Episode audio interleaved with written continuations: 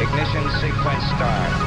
Five, four, three, two, one, zero. Quantum leap. Salto quântico, salto quântico, salto quântico. Quantum. Salto quantico. Salto quantico. Salto quantico. Kvantum, det du inte visste att du ville veta.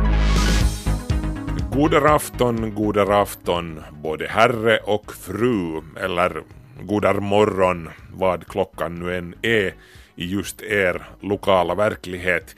Markus Rosenlund, det är hur som helst jag det. Oj, vet ni vad vi har mycket godis åt er idag. Det är nästan som om julafton hade kommit lite i förtid. Vi ska i dagens program bland annat bjuda på en intervju med en man som är kändis både inom vetenskapen och i Hollywood. Sveriges Radios Ulrika Björksten har fått en intervju med ingen mindre än Kip Thorne. Som en av årets fysikpristagare belönas han för upptäckten av gravitationsvågor. Men han är nog mer känd som den vetenskapliga rådgivaren bakom succéfilmen Interstellar. Do not go gentle into that good night. Rage, rage against the dying of the light. Och så ska vi också titta in på robotmässan Robotex som gick av stapeln i Tallinn helt nyligen. Bosse Ahlgren var på plats på det här rekordsättande evenemanget. Aldrig någonsin har så många robotar funnits på samma mässa. 1332 stycken och av alla de slag. Drönare som tävlar på en hinderbana, rullande självkörande postiljoner, sociala robotar från Japan som ska kunna diskutera med dig där hemma när du blir gammal. Vad mera då? Nå, vi ska ta en titt på ett berömt fotografi. Berättelsen bakom bilden kallar jag den här miniserien där vi tar upp bilder som på något sätt förändrade vår syn på verkligheten och vår plats i universum. Men allra först blir det notiser som ni ska lyssna extra noga på om ni vill pynta julgranen på ett miljömedvetet sätt i år.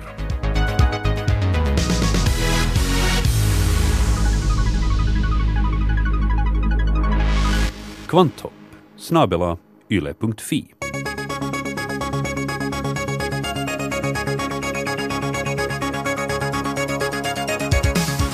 Förbjud allt julglitter, för det är mikroplaster, så säger den nyzeeländska forskaren Tricia Farrelly vid Massey University till tidningen Independent. Glittret från julgranskulor och annat pynt hamnar med tiden i naturen och slutligen också i havet där det äts av marina djur och så vandrar det uppåt genom näringskedjan sedan. Sveriges Television har talat med Magnus Engvall som studerar mikroplaster vid Örebro universitet och han håller med, förbjud glittret.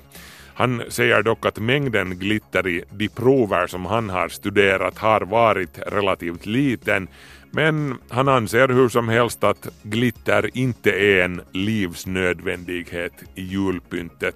Och vill man ha glitter så finns det miljövänliga glittriga alternativ som man kan ta till som olika sorters naturliga mineraler. Sedan överljudsplanet Concorde togs ur bruk 2003 har goda råd varit dyra för dem som vill ta sig över Atlanten extra kvickt. Men flygplanstillverkarna de jobbar på saken så att säga. Spike Aerospace till exempel, de arbetar på sin S512 som ska frakta 12 till 18 passagerare från London till New York på tre timmar. Då med en hastighet på 1,6 Mach. Spike Aerospace avslutade nyligen framgångsrika testflygningar med en obemannad version av planet. Till planets innovationer hör att det helt saknar fönster, både i cockpit och i kabinen. Fönstren i S512 har ersatts med högupplösta videoskärmar. Spike siktar på att inleda flygningarna 2023. En annan flygplanstillverkare som satsar på överljudspassagerarplan är Boom Supersonic vars Concorde-ersättare har plats för 55 passagerare och en topphastighet på 2,2 Mach eller 2600 km i timmen. Problemet med de här överljudsplanen är smällen som uppstår då planet flyger fortare än ljudet, så de flesta länder har förbjudit överljudstrafik över land i sina luftrum.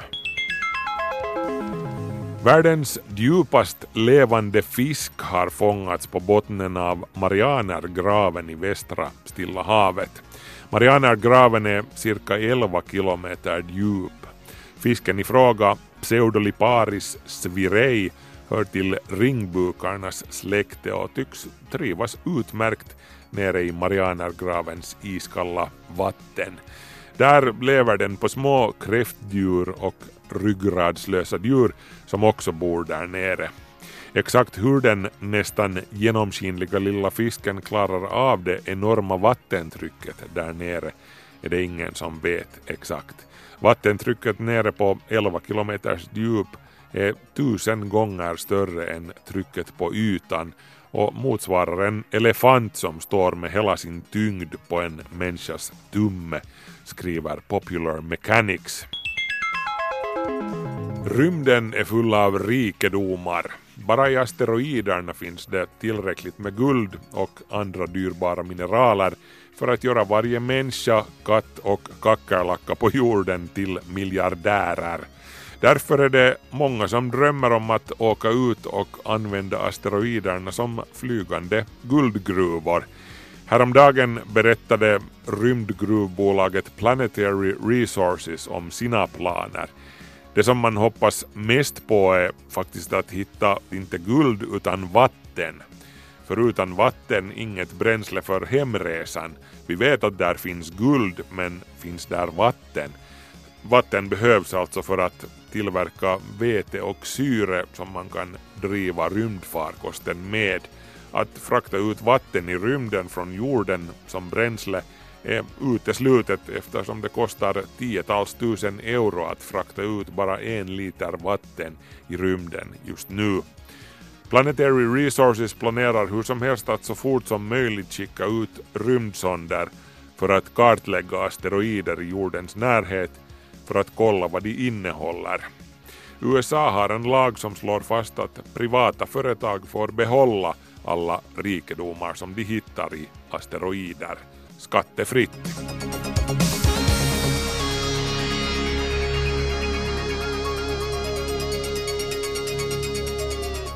Lite senare i programmet ska ni få höra en intervju med en av årets nobelpristagare i fysik. Kip Thorne heter han och han har också lånat sitt kunnande till Hollywood för att de ska kunna göra mer trovärdiga science fiction-filmer. Interstellar till exempel. Men om en liten stund ska det handla om ett fotografi som förändrade sättet som vi ser på oss själva och på vår plats i universum.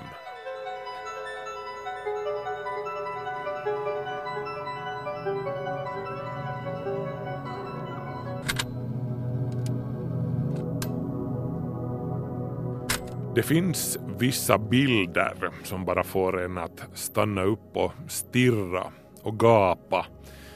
Och det är ju ofta så att ju enklare desto bättre. Ju färre detaljer desto mer känsla får du in i ett foto. Less is more, som man säger. Ett av de allra bästa fotografierna som jag någonsin har sett hade just den här wow-effekten på mig. Men det tog en stund innan jag fattade vad det var som jag såg. Nu är det här ett radioprogram så jag kan inte visa den här bilden för er. Jag får helt enkelt lov att be er föreställa er den för er själva. Det är lättare än ni tror. Eller så kan ni googla den. Ni får bestämma själva. Fotot består hur som helst helt enkelt av en liten blekblå prick mot en svart bakgrund. Grynigt är fotot dessutom fullt av brus som digitala fotografier ofta blir då man fotar i svagt ljus. Men som sagt, en liten blekblå prick, det är allt som bilden består av. Följaktligen heter det här fotografiet just den bleka blåa pricken, eller Pale Blue Dot på engelska. Och den bleka blåa pricken är, som ni säkert har gissat eller vet vid det här laget, jorden. Som astrofysikern och författaren Carl Sagan sa det Look again at that dot. That's here. That's home. Den där bleka blåa pricken, det är här. Det är vårt hem. Det var just Carl Sagan som övertalade de styrande på NASA att vända om sin rymdsond Voyager 1 för att ta den här bilden. Voyager 1 var nämligen inte alls där ute för att ta gruppbilder av mänskligheten och vårt hem jorden. Den var där i helt andra ärenden. Den 722 kilo tunga Voyager 1 avfyrades 1977 och som uppdrag hade den att studera jätteplaneterna Jupiter och Saturnus och deras månar. Den här uppgiften var Voyager klar med i november 1980 och eh, Voyagers uppdrag var därmed formellt över. Men Carl Sagan tyckte att Voyager kunde användas till åtminstone ett uppdrag till. Och det var att vända sig om och ta ett foto i riktningen som den kom från. En bild av jorden sedd från rymdens avlägsna djup.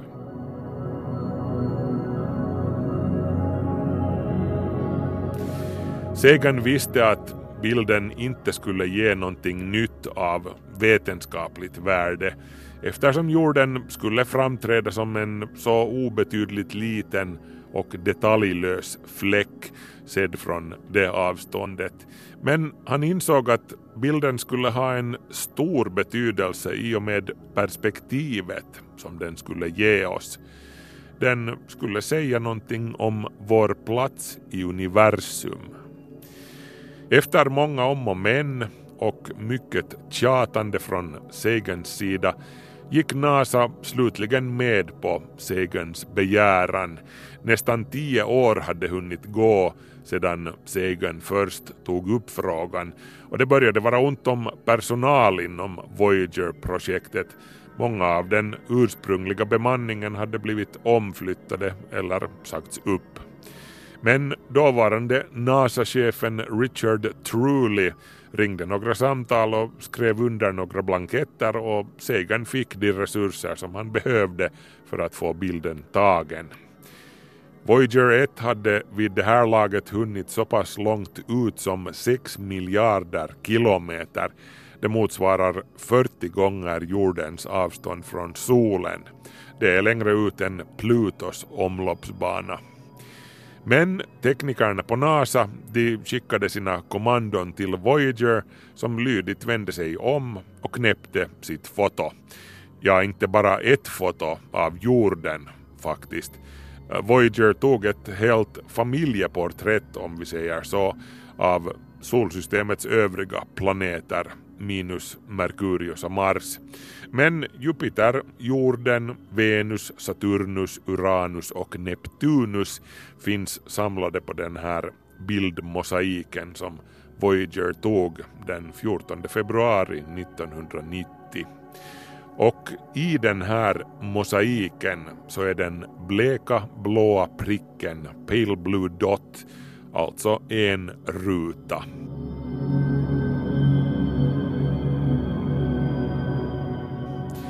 På den här tiden och framförallt på det här avståndet var det inte bara att knäppa ett foto och ladda upp det på datorn här på jorden. Eh, bildfilerna från kameran ombord på Voyager sparades på ett magnetband som också fanns ombord på rymdsonden. Sedan hände ingenting på ett tag. Bandbredden som behövdes för att överföra bilderna till jorden var bokad för andra projekt, det vill säga Magellan och Galileo-sonderna. Det dröjde till våren 1990 innan man kunde börja överföra de 60 bildrutorna från Voyager med hjälp av radioantennerna i det världsomspännande så kallade Deep Space Network. Överförandet inleddes i mars månad 1990 och pågick ända in i maj. På det här avståndet så tar det nästan fem och en halv timme för signalerna från Voyager att nå jorden trots att de färdas med ljusets hastighet 300 000 kilometer per sekund. Men resten är historia som man säger. För första gången någonsin kunde mänskligheten nu betrakta sig själv ur ett sant outsiderperspektiv. Av bildens 640 000 individuella pixlar tar jorden upp ynka 0,12 pixlar. Inte ens en hel pixel tar hon upp, vår kära moder jord. Carl Sagan han blev så tagen av det han såg att han skrev en hel bok om bilden. Pale Blue Dot heter den och vi ska låta Sagan själv läsa upp stycket som brukar sammanknippas med fotot. Det är nästan poesi det här. Så här säger Carl Sagan om fotot, den bleka blåa pricken. From this distant vantage point, the Earth might not seem of any particular interest. But for us, it's different. Consider again that dot. That's here. That's home. That's us. On it, everyone you love, everyone you know, everyone you ever heard of, every human being who ever was, lived out their lives. The aggregate of our joy and suffering, thousands of confident religions, ideologies, and economic doctrines. Every hunter and forager, every hero and coward, every creator and destroyer of civilization, every king and peasant, every young couple in love, every mother and father, hopeful child, inventor and explorer, every teacher of morals, every corrupt politician, every superstar, every supreme leader, every saint and sinner in the history of our species lived there, on a mote of dust, suspended in a sunbeam. The earth is a very small stage in a vast cosmic arena. Think of the rivers of blood spilled by all those generals and emperors, so that in glory and triumph they could become the momentary masters of a fraction of a dot. Think of the endless cruelties visited by the inhabitants of one corner of this pixel on the scarcely distinguishable inhabitants of some other corner. How frequent their misunderstandings, how eager they are to kill one another, how fervent their hatreds. Our posturings, our imagined self-importance, the delusion that we have some privileged position in the universe, are challenged by this point of pale light. Our planet is a lonely speck in the great enveloping cosmic dark. In our obscurity, in all this vastness, there is no hint that help will come from elsewhere to save us from ourselves. The Earth is the only world known so far to harbor life. There is nowhere else, at least in the near future, to which our species could migrate. Visit? Yes. Settle? Not yet. Like it or not, for the moment, the Earth is where we make our stand. It has been said that astronomy is a humbling and character-building experience. There is perhaps no better demonstration of the folly of human conceits than this distant image of our tiny world. To me, it underscores our responsibility to deal more kindly with one another and to preserve and cherish the only home we've ever known the pale blue dot. Astrofysikern och författaren Carl Sagan var det som läste ur sin bok Pale Blue Dot. För er som vill ha en översättning av det här så kan till exempel googla fram min essä Någonting hände på vägen hem från månen. Den finns på svenska.yle.fi. Där finns en, en kort översättning av, av den där textsnutten från Pale Blue Dot. Yle Vega. Nu har det blivit dags för den utlovade intervjun med en av årets nobelpristagare i fysik, Kip Thorne. Det är Ulrika Björksten från Vetandets värld på Sveriges Radios P1 som har talat med honom. Do not go gentle into that good night. Old age should burn and rave at close of day. Rage, rage against the dying of the light. Though wise men at their end, no dark is right, because their words had forked no lightning, they do not go gentle into that good night. Rage, rage against the dying of the light.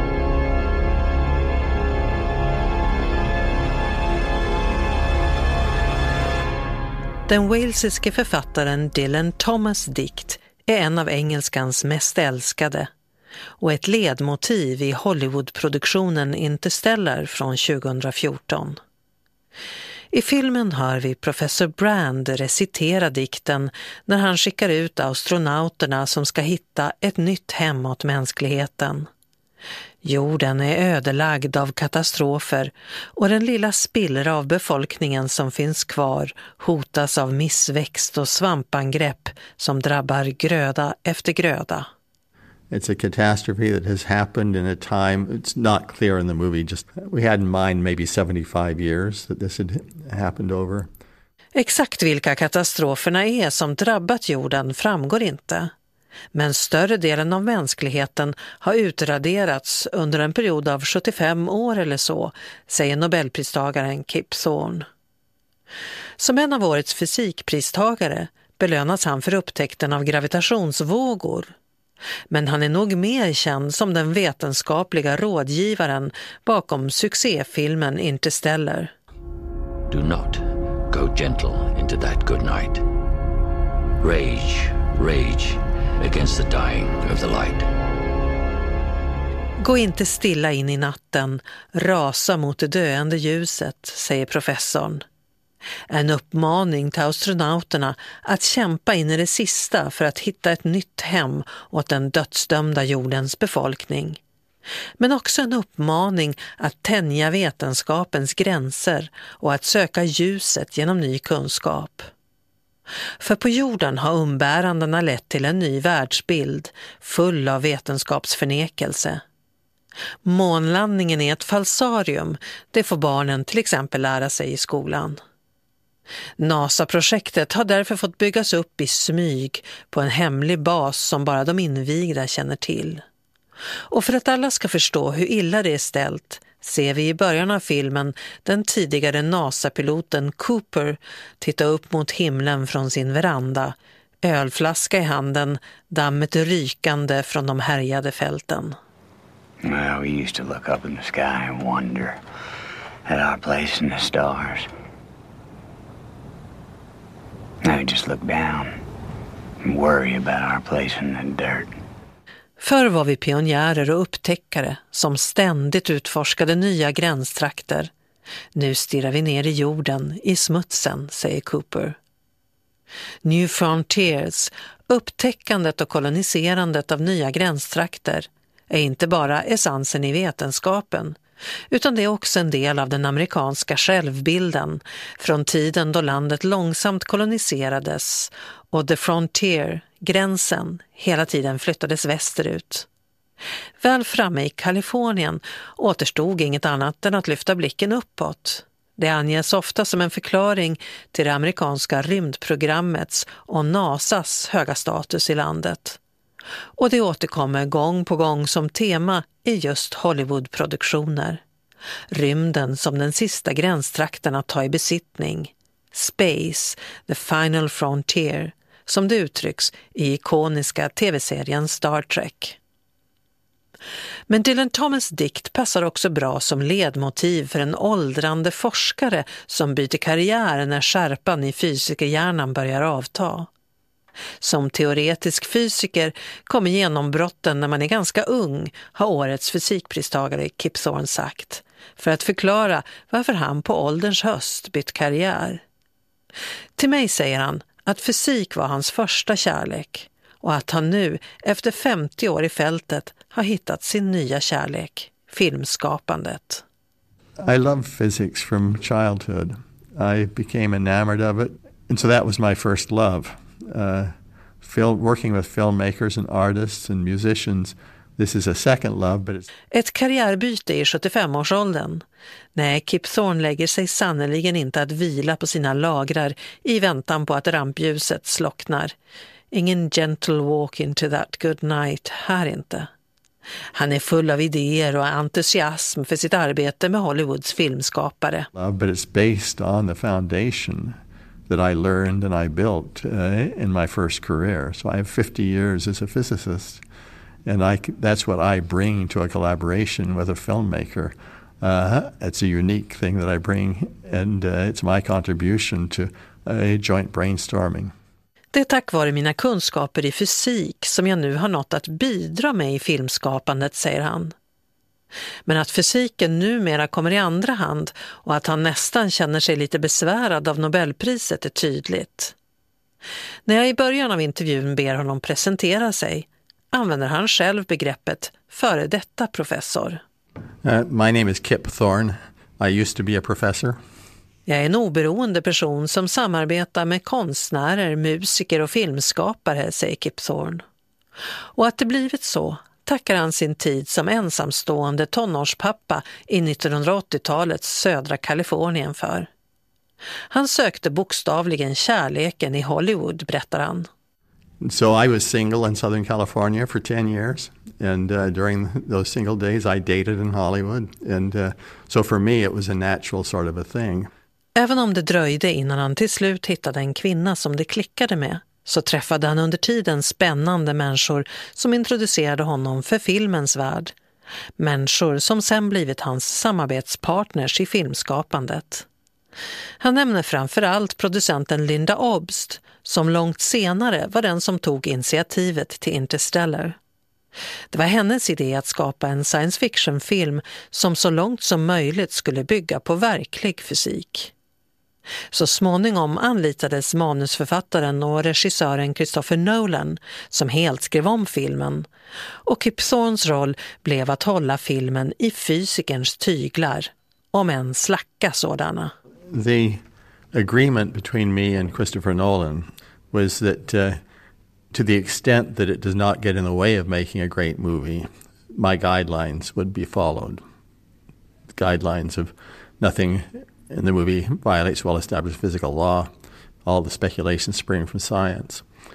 And we assured this by brainstorming with each other together. Huvudsyftet var att det skulle bli en bra och spännande film, men överenskommelsen mellan Kip Thorne och regissören Christopher Nolan var att så lite som möjligt skulle bryta mot väl etablerade fysiklagar och att alla spekulationer, alltså själva science fiction-delen, skulle ta avstamp i verklig vetenskap. Det ledde till ett oändligt antal sessioner av kreativt spånande dem emellan. I never told him, no, you can't do something. I told him, I don't know how to fit that with the laws of physics. Let's brainstorm and try to find a way, either modifying your idea or I may find some way, some aspect of the laws of physics that can accommodate it. Det var inte så att jag förbjöd honom saker. Men när hans manus krävde händelser som inte gick att grunda i fysiken diskuterade vi fram och tillbaka och min uppgift blev oftast att hitta ett sätt att få till det, hitta olika kryphål i fysiken som gjorde att själva linjen i berättelsen kunde behållas, säger Kip Thorne. Den största utmaningen var hur Cooper skulle kunna kommunicera med sin dotter från andra änden av universum utan att bryta mot en av de absoluta grunderna i Einsteins relativitetsteori. Att inget kan röra sig snabbare än ljusets hastighet.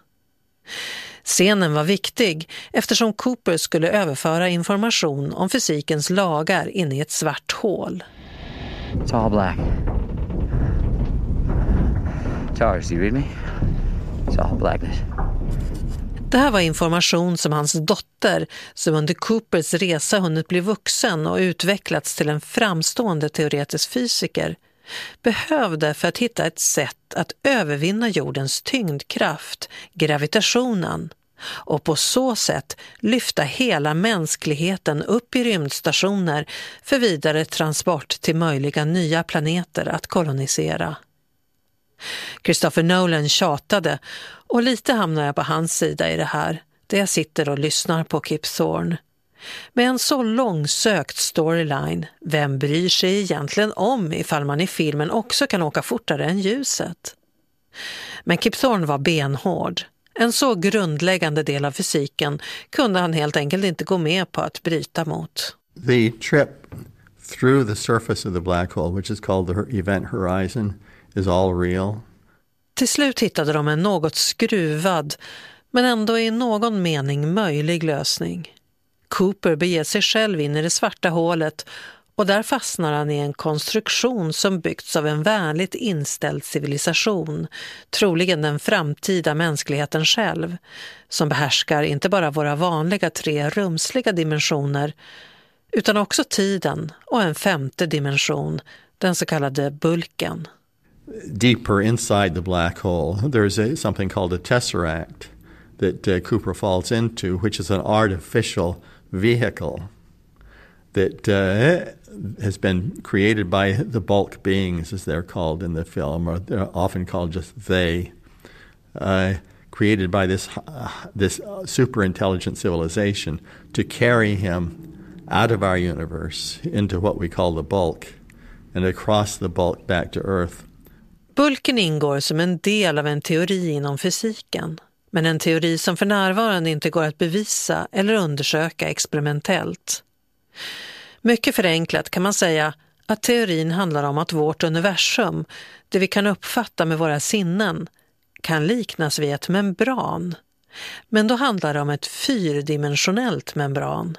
En tidsdimension och tre rumsdimensioner. Istället för ett vanligt membrans två dimensioner som ett pappersark. Tanken är alltså att vårt universum skulle utgöra ett fyradimensionellt membran i ett femdimensionellt universum, där den femte dimensionen är bulken. Tänk dig för enkelhetens skull universum som ett tvådimensionellt pappersark i ett tredimensionellt rum. Om du böjer pappersarket kan plötsligt två delar av arket som tidigare var långt borta från varandra röra vid varann. Så tänker sig skaparna av Interstellar att Cooper färdas från det svarta hålet direkt till sin dotters sovrum genom bulken. En genväg alltså. Och eftersom tiden är en egen dimension kan han besöka sin dotter vid olika tidpunkter. Problemet blir hur han ska kommunicera med henne. För enligt fysiken kan inga signaler nå från bulken in i våra tre rumsliga dimensioner. Lösningen blir gravitation, den enda kraften som kan nå ut från bulken in i vårt universum. Hej! Dash! Dash! Dash! Cooper kommunicerar med sin dotter genom att putta ner böcker från hennes bokhylla. De faller ner med hjälp av tyngdkraften, gravitationen. Låter det krångligt? Ja, det är det också. Så krångligt att Kip Thorne skrivit en hel bok om vetenskapen bakom Interstellar. 300 sidor som handlar om vetenskapen bakom filmen, för den som vill fördjupa sig. Men på sina ställen gick Kip Thorne för storyns och tillgänglighetens skull ändå med på avsteg från vetenskapen. Till exempel får rymdfararna navigera runt en neutronstjärna som i verkligheten skulle slitit sönder dem. Uh, and uh, it doesn't work physically, it turns out, because near the neutron star, the tidal forces would rip uh, Cooper apart if he got that close to a neutron star to do the slingshot around a neutron star. So there was a small compromise with the physics there, but it maintained the idea that the way you navigate uh, around this black hole is through gravitational slingshots. Rymdskeppet svingar sig runt neutronstjärnans tyngdkraftsfält med en teknik som i verkligheten används av NASA för rymdfarkoster i vårt eget solsystem. Men neutronstjärnans starka gravitationsfält innebär att närheten till den borde ha utsatt rymdfararna för så stora tidvattenkrafter att de slitits itu. För att historien skulle hålla ihop gick ändå Kip Thorne med på det avsteget från fysikens lagar. Själva arbetsprocessen, samarbetet mellan honom och manusförfattaren Christopher Nolan, tycker han ändå är ganska likt de samarbeten han som teoretisk fysiker i sin vetenskapliga gärning har haft med experimentella fysiker. Inte minst i det nu Nobelprisbelönade sökandet efter gravitationsvågor. Oh yeah, the back and forth is uh, is central to any intellectual enterprise, any kind of collaboration, and it is very similar, whether I'm interacting with a filmmaker or with an experimental physicist. Upptäckten av gravitationsvågor gjordes i det stora LIGO-samarbetet där ett stort forskarlag byggt två olika laserinterferometrar i varsin ände av USA. En laserinterferometer består av två vinkelräta armar där man kan mäta små längdskillnader mellan de två armarna genom att ljusvågorna förskjuts en aning när armarna blir kortare eller längre. När en gravitationsvåg passerar är det just vad som händer. Den ena armen dras ut lite, den andra trycks ihop. Men det är extremt små rörelser det handlar om, under atomstorlek. Därför krävs långa armar och väl sammanhållet laserljus för att alls kunna registrera vågrörelsen. Kip Thornes egen del i den nobelprisbelönta upptäckten av gravitationsvågor är teoretikerns i ett nära samarbete med experimentalisterna. Med sina beräkningar hjälpte han bland annat till att skapa instrument som kunde hålla laserstrålarna i de jättelika interferometerarmarna på plats i en rak stråle utan att spridas. Och hösten 2015 hade alltså instrumenten finslipats tillräckligt för att till slut registrera gravitationsvågor från kollisionen av två svarta hål över en miljard ljusår bort. Och faktiskt har arbetet med Interstellar också bidragit till nya vetenskapliga upptäckter, om än inte i samma liga som LIGO-samarbetet. I think the uh, biggest thing was actually in methods for making images and, and uh, videos. All of the images, except the trip through the black hole, that involve black holes and wormholes, just a significant piece of the film. Uh, they are based on calculations where you have a source of light and that emit, emits light, and, and light rays travel then in the vicinity of a black hole or wormhole. They get bent by the warped space and warp time there before they come to the camera and produces strange kinds of images, which are done a- absolutely accurately. Bilderna av svarta hål och maskhål som Kip utvecklade tillsammans med filmteamets grafiker har sedan använts också inomvetenskapligt för att bättre visualisera ekvationerna som beskriver svarta hål och maskhål, alltså genvägar genom den tänkta bulken mellan olika delar av ett universum uppspänt på ett fyrdimensionellt membran. Det här är verklig teoretisk fysik, obevisad än så länge, men inte heller science fiction. Men framförallt hoppas Kip Thorne att filmen ska inspirera ungdomar att ägna sig åt vetenskap. Att den genom sin nära koppling till verklig vetenskap ska ge en bild av det spännande äventyr som frontforskningen innebär. Ett bejakande av ljuset, ett värde i sig, i en tid då skymning allt som oftast tycks hota. Do not go gentle into that good night. Rage, rage against the dying of the light.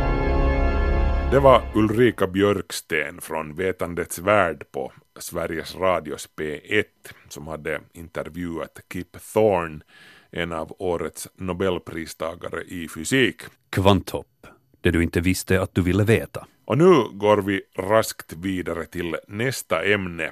Aldrig tidigare har så många robotar samlats på ett och samma ställe som på robotikmässan Robotex i Tallinn i Estland. Den gick av stapeln helt nyligen. Det är väl så här det går. Fler och fler robotar överallt. Men är det så att fler är bättre i det här fallet? Det är i varje fall klart att robotiken är framtiden. Oundvikligt kommer jag att tänka på att någonstans här i mässhallen lite öster om Tallinn centrum bland de drygt 16 000 som är här för att antingen bygga eller se på alla robotar, så kan det hända att grunden för någonting likt Skynet blir lagd av en entusiastisk tonåring som till exempel fokuserar på att reparera programmeringen för höjdalgoritmen i en drönare som ska flyga självständigt. Aldrig någonsin har så många robotar funnits på samma mässa, 1332 stycken och av alla de slag drönare som tävlar på en hinderbana, rullande självkörande postiljoner, sociala robotar från Japan som ska kunna diskutera med dig där hemma när du blir gammal. My fingers are soft. For it. Open my fingers. Come on. Go ahead. Okay. Thank you. This Okay. first contact has made me so proud. Never hesitate to touch me. It makes me cheerful. Robotikmässan i Tallinn är Europas största i sitt slag och i år ska mässan ansöka om att få komma med i Guinness rekordbok med världsrekord för antal robotar på en och samma tillställning. 1332 stycken. Men det är kanske ändå inte robotarna som sist och slutligen spelar huvudrollen på Europas största robotikmässa. Och låt vara att investerare och företagare och teknikgurun sitter på en konferens på mässan och pratar business, men det är alla barn och ungdomar som skruvar, programmerar, förbättrar och hårt gnuggar sina geniklölar på mässan för att få sina robotar att bete sig som de ska, som är de verkliga stjärnorna. Uh, I am uh, Knut Helekivi and I take, took a part uh, drone competition where uh, drones must fly autonomically. Yeah, and how did it go? Uh, it didn't uh, went uh, it didn't go well because uh, we had uh, many bugs in our program. program. Ah, okay, but next time, yeah? Yes, next time we are going to make a best program ever. Yeah. Uh, but you have one prize in your hand. Yes, it was because I made the best uh, PCB uh, des- design that uh, was on the on the drone. 14-åriga Knut Helekivi från Tartu Tamme gymnasium i södra Estland deltog med en drönare i en av de 24 lagtävlingarna med internationella deltagare. Hans autonoma drönare klarade sig inte den här gången på grund av för många buggar i mikroprocessorns styrprogram. Höjdbestämningen saknades helt så drönaren en gång kraschade in i publiken istället för att på egen hand flyga i en åtta runt två pålar.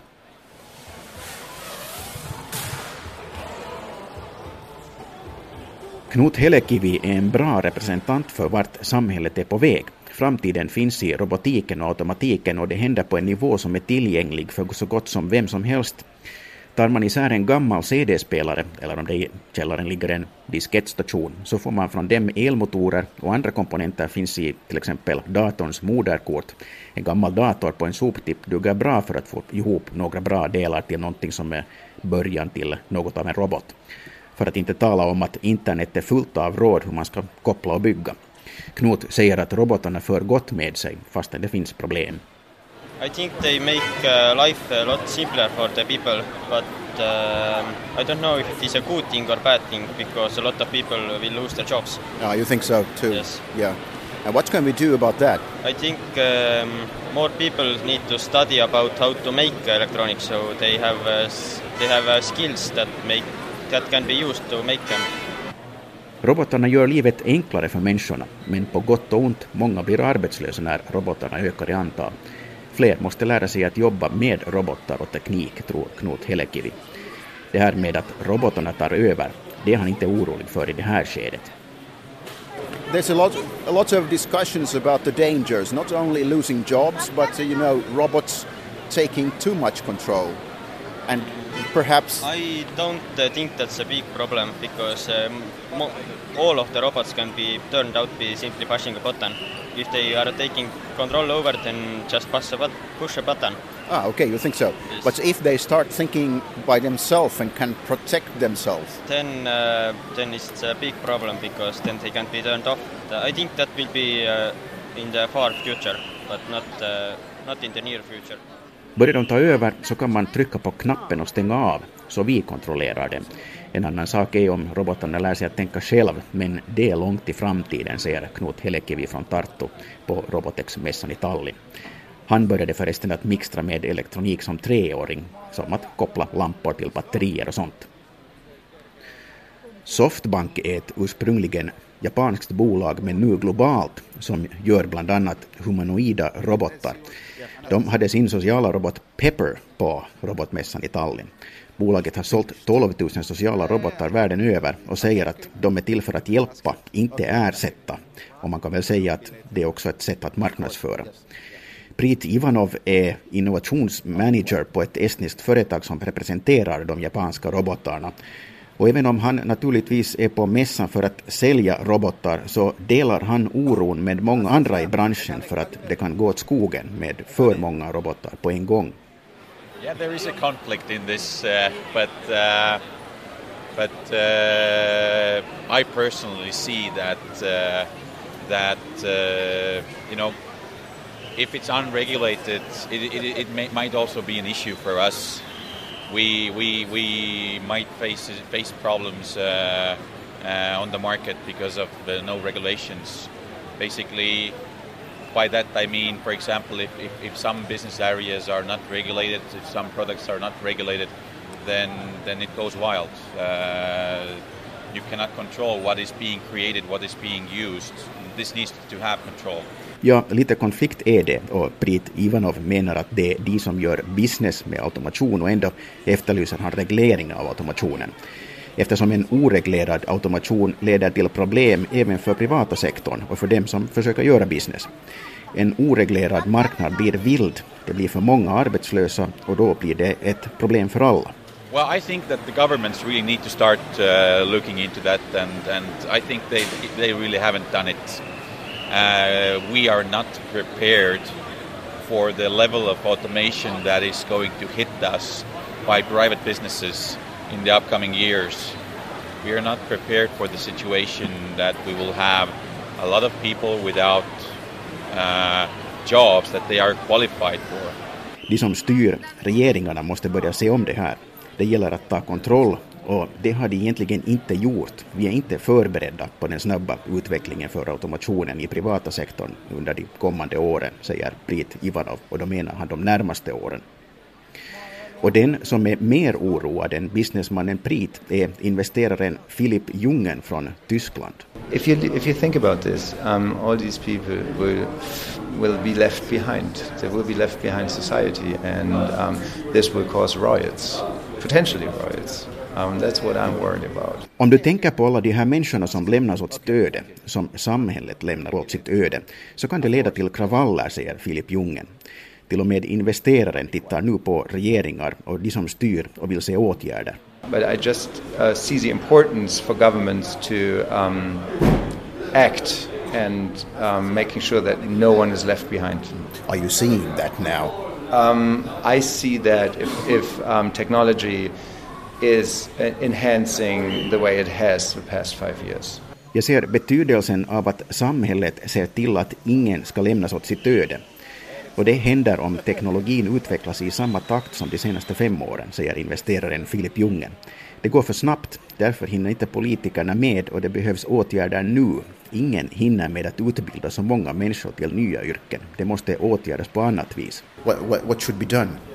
Um, I think it's important for government to uh, think about, you know, concepts how to um, how to face um, how to face this. And you, you need, on one hand, you need money to um, to pay for the people because they will lose jobs. Um, so and you will have to rethink taxes. You will have to rethink regulations on um, how to treat autonomous driving cars potentially as you know like um, entities um, that are actually taxed because you know they don't need people.